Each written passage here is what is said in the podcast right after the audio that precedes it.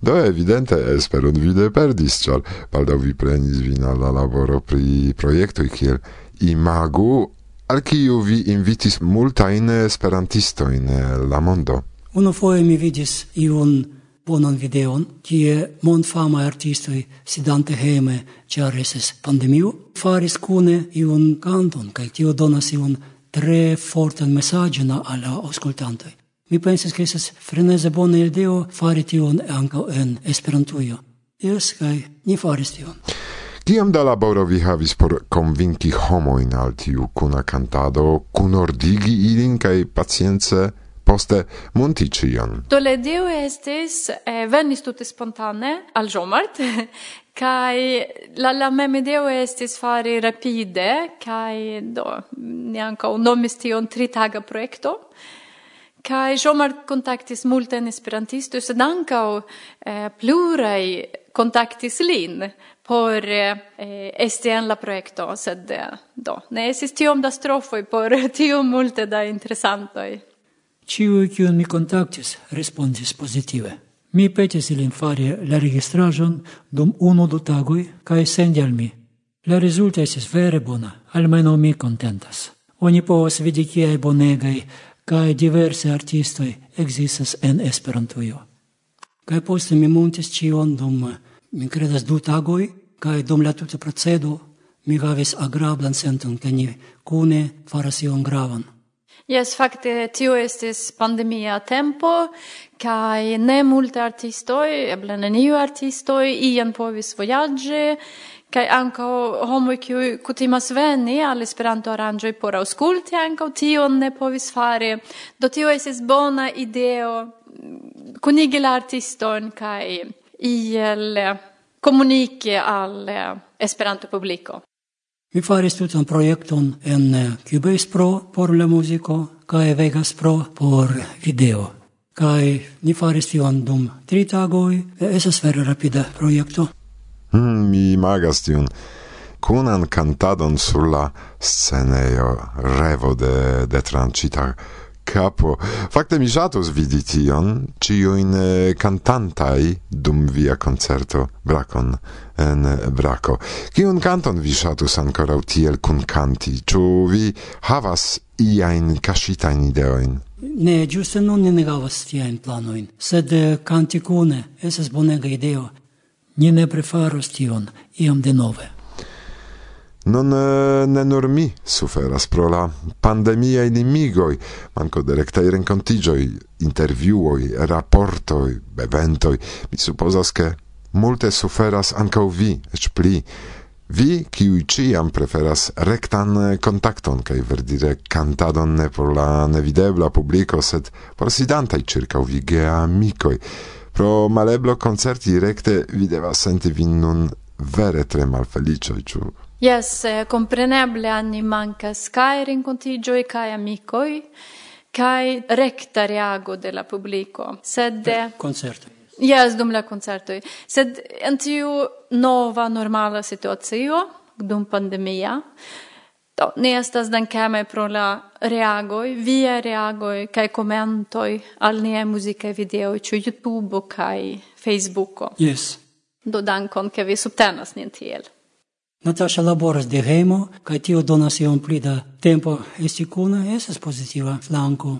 Kaj mi ŝatus diri ankaŭ, ke ne nur malbone afero okazis. Natasha, ĉu vi povas rakonti ion pri la premio? Yes, ni ricevis fame premion, Eh, kai pri tiu informis nin fame comitatano, Ulrich Mattias, e pacientiare, kai la solena ceremonia okazos en la urbo Allen, Germanio, oktobre ciare.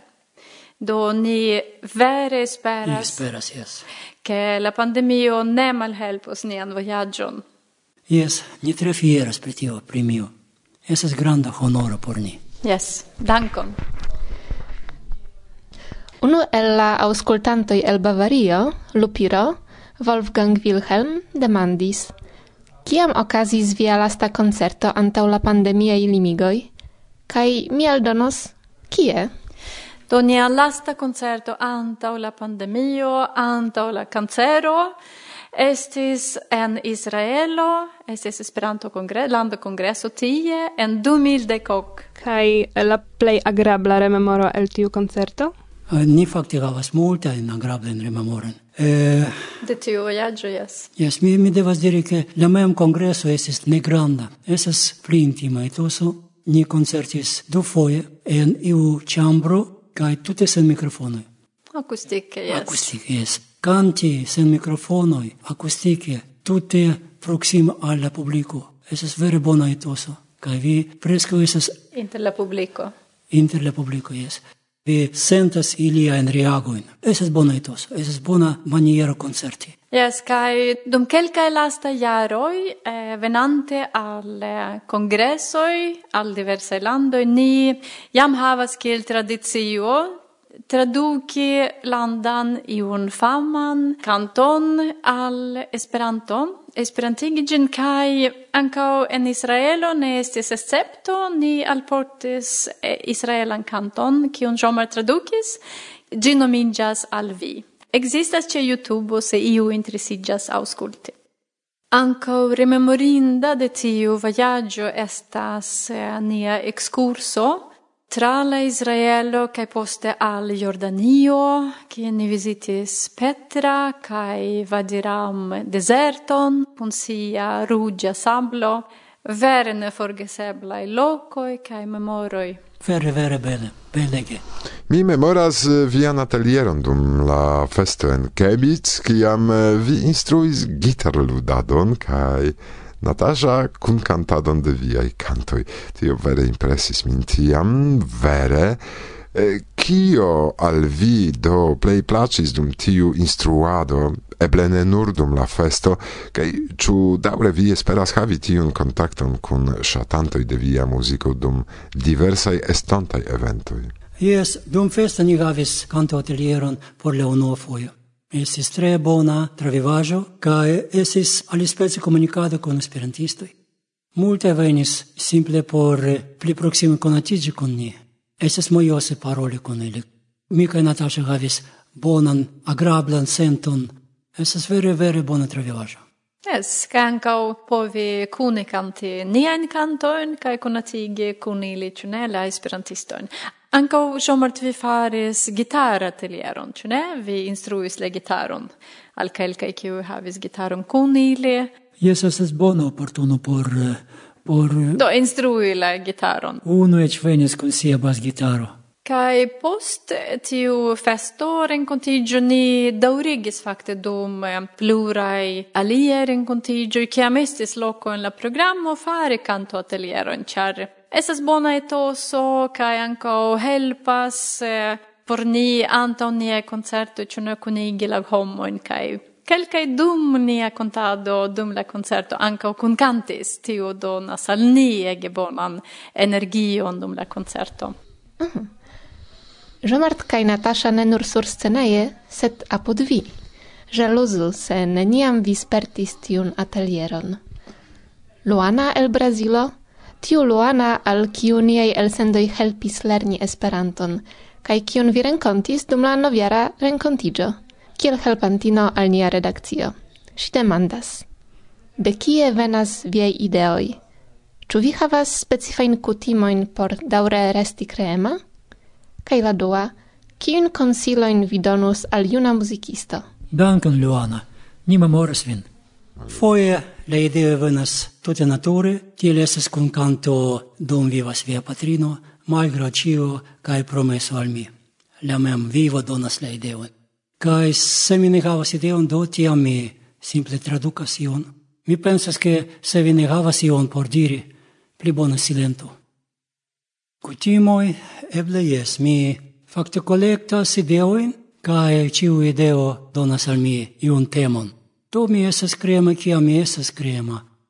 Mi facte foi sentas min kiel iuno musicisto Se vi komencas ion daŭrigu kaj si volema si volema pri la vivo.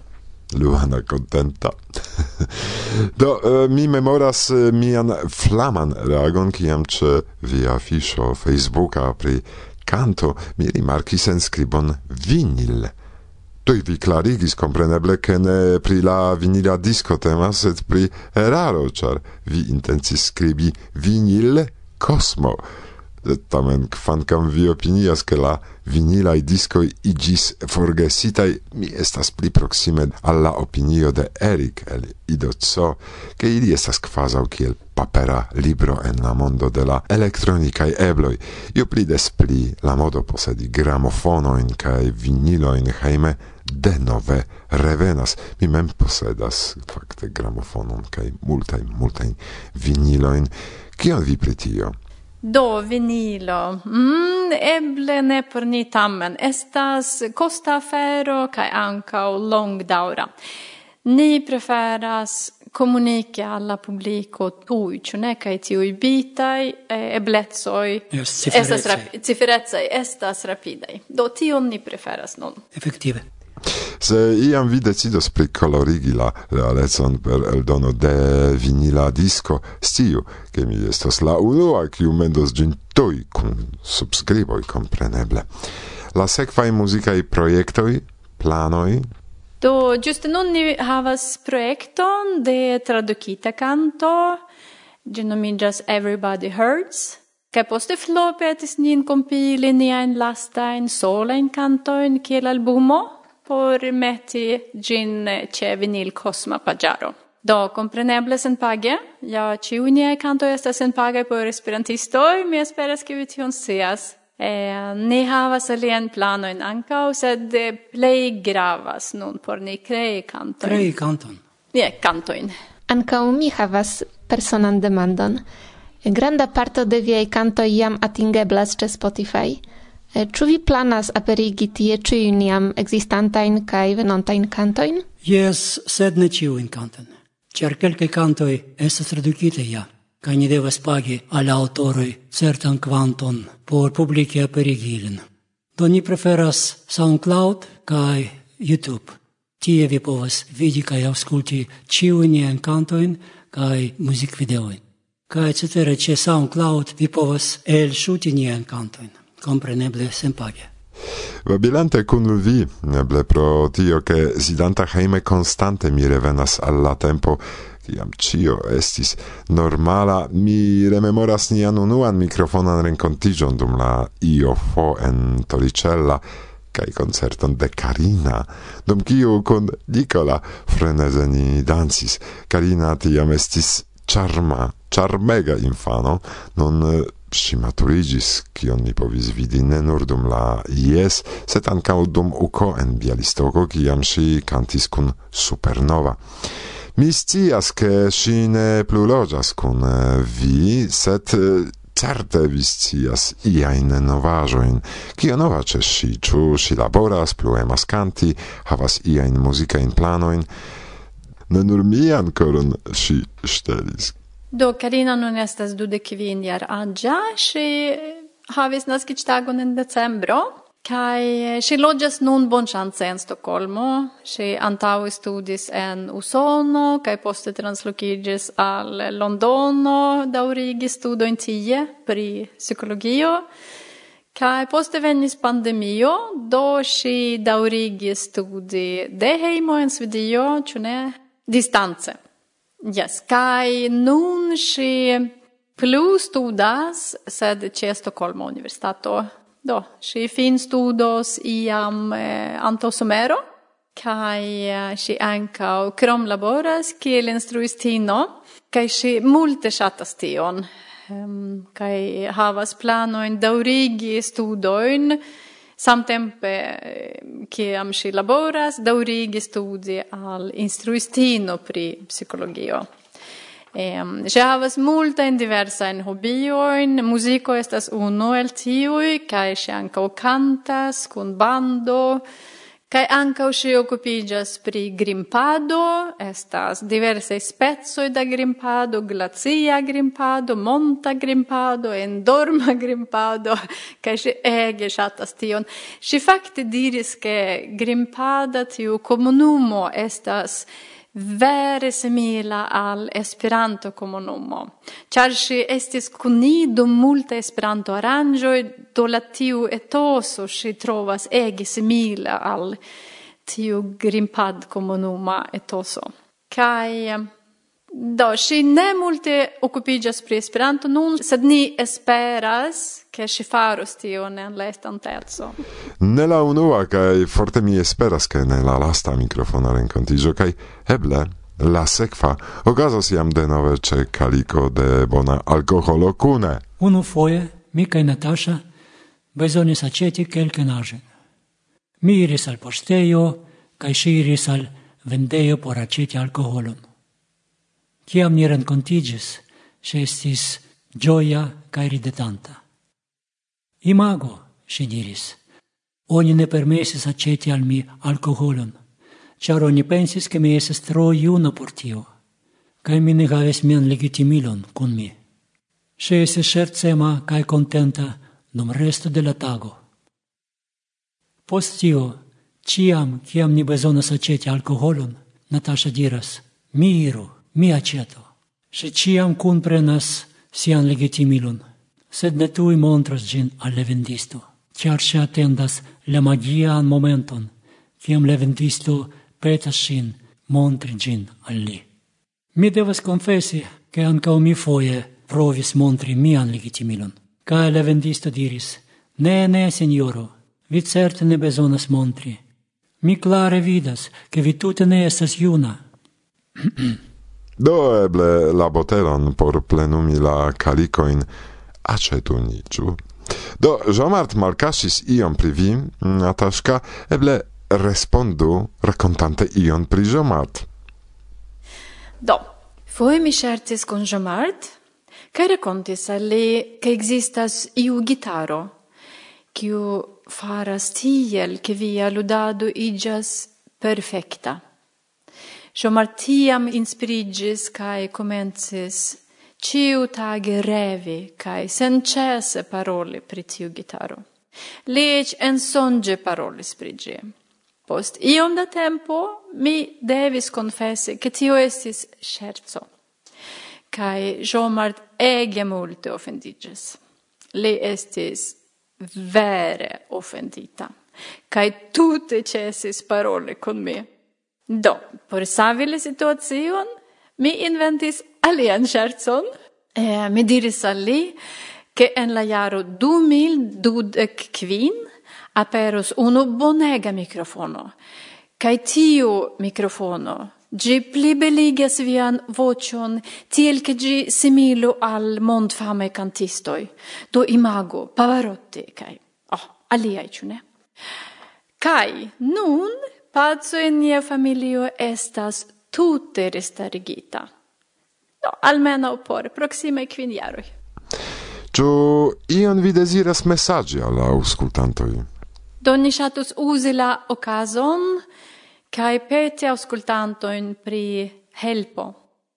Care geamicoi, Jomarca Natasha vere bezonas vian subtenon.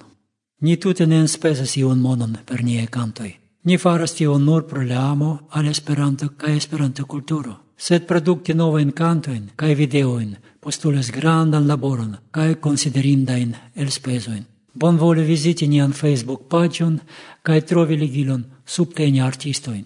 Per tiu ligilo vi povas subteni nin per iu kvanto da mono, laŭ via prefero. La kvanto povas esti ne granda, sed ĝi tamen multe helpos nin. Ti vi havos due blezoin nin subteni, au per regula mon helpo, au per unuopa. Lau via electo. Multain antau dancoin al vi. El coram dankon. Mi sentas multe da varmo en mia coro cae comensis mi pensi capti flugon al Svedio pro simple vin bracumi, cae danki al vi ambau pro tio, che vi estas carai gepatroi de la barda cantado. Coran dankon pro la interviuo. Dankon, Erik. Do ankaŭ al vi ĉiun bonan. Dankon. Ankaŭ mi vere dankas pro via ĉeesto. Dankon.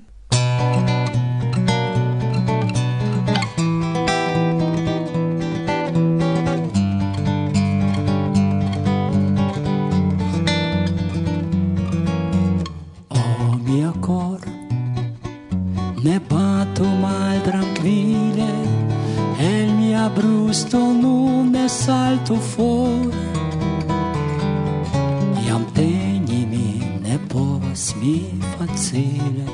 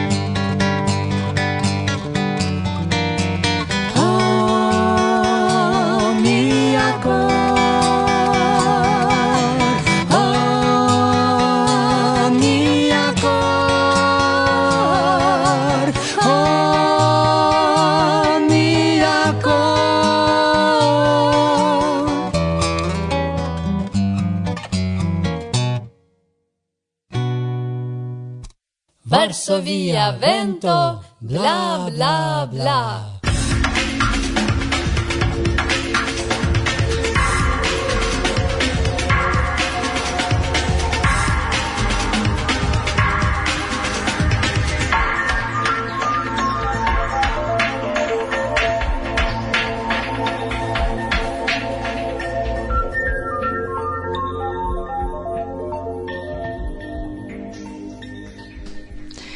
Verkado.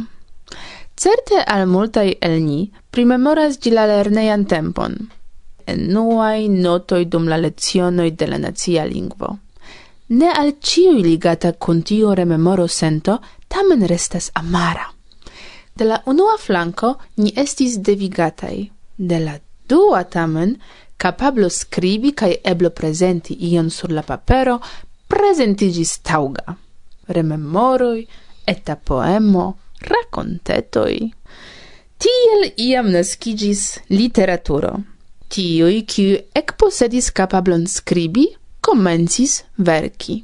La kialoj compreneble estis diversai. Transdono de la clara legio, de la historia identeco kaj ne nur.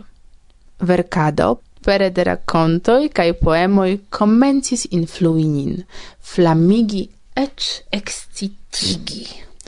Pro libroi, pentrajoi, cae kaj diversforme esprimita arto ni scias al kiu gento kaj civilizo ni apartenas. Tiun dependecon rimarkis ancau Zamenhof. Dum la frua periodo de Esperanto, malkaŝe li provis motivigi ciuin esperantistojn, ec petis nin verki, traduki kaj tiel contribui en evoluon de la lingvo internacia kaj gia kulturo.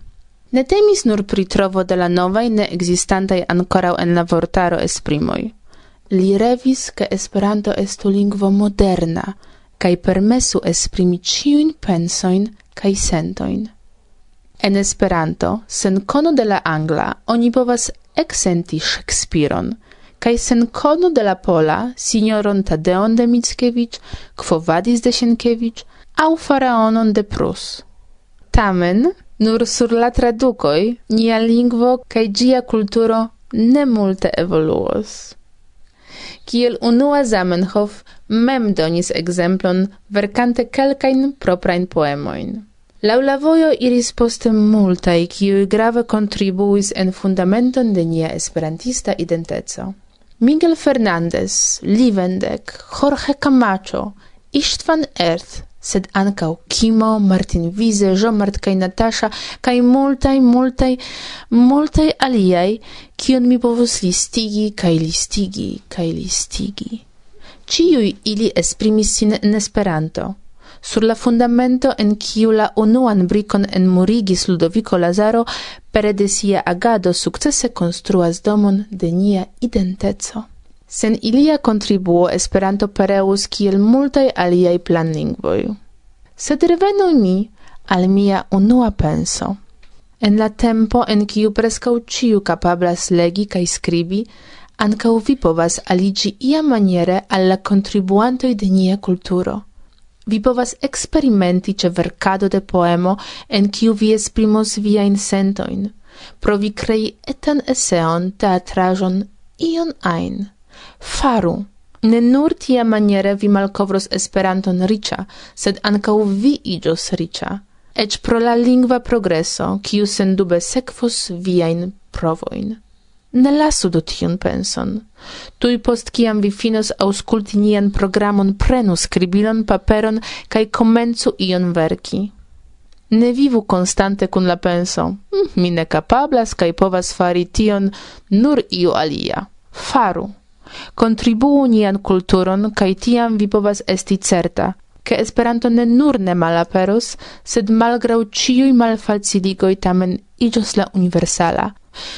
Eble io el vi demandos min. Bone. Bele vi consilas.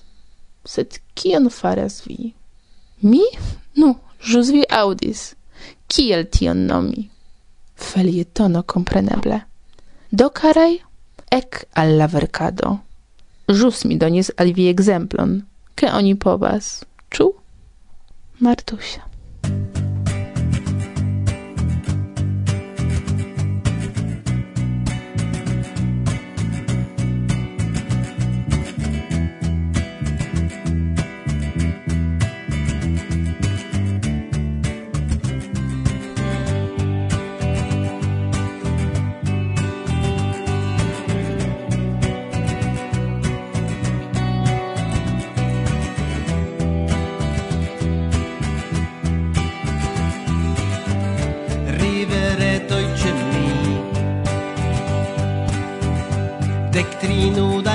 piccioi.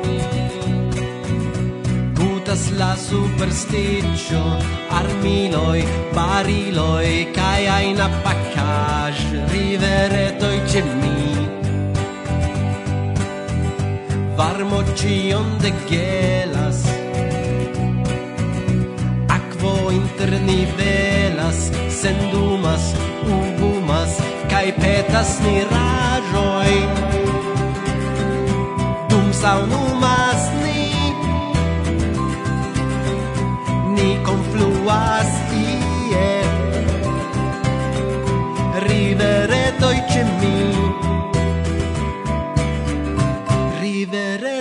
to me.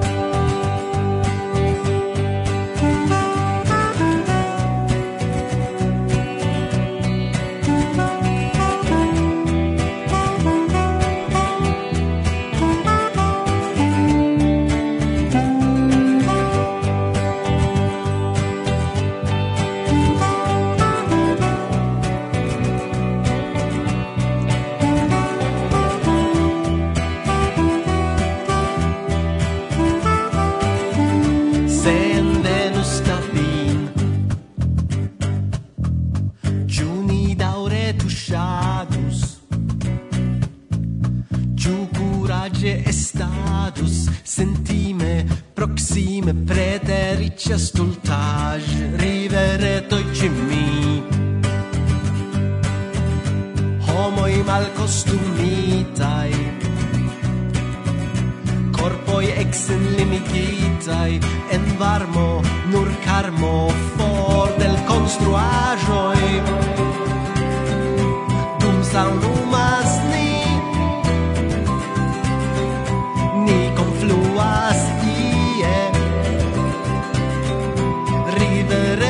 picture me.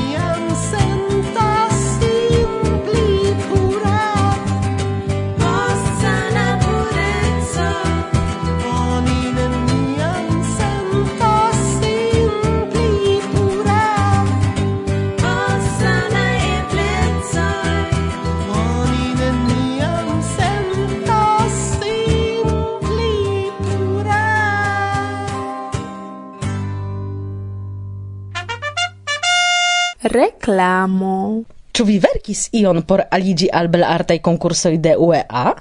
Ne! Ne estu kolbaseto! Tuj sidu kaj verku! La konkurso atendas vin! Bla, bla, bla! Varsovia vento, bla, bla, bla!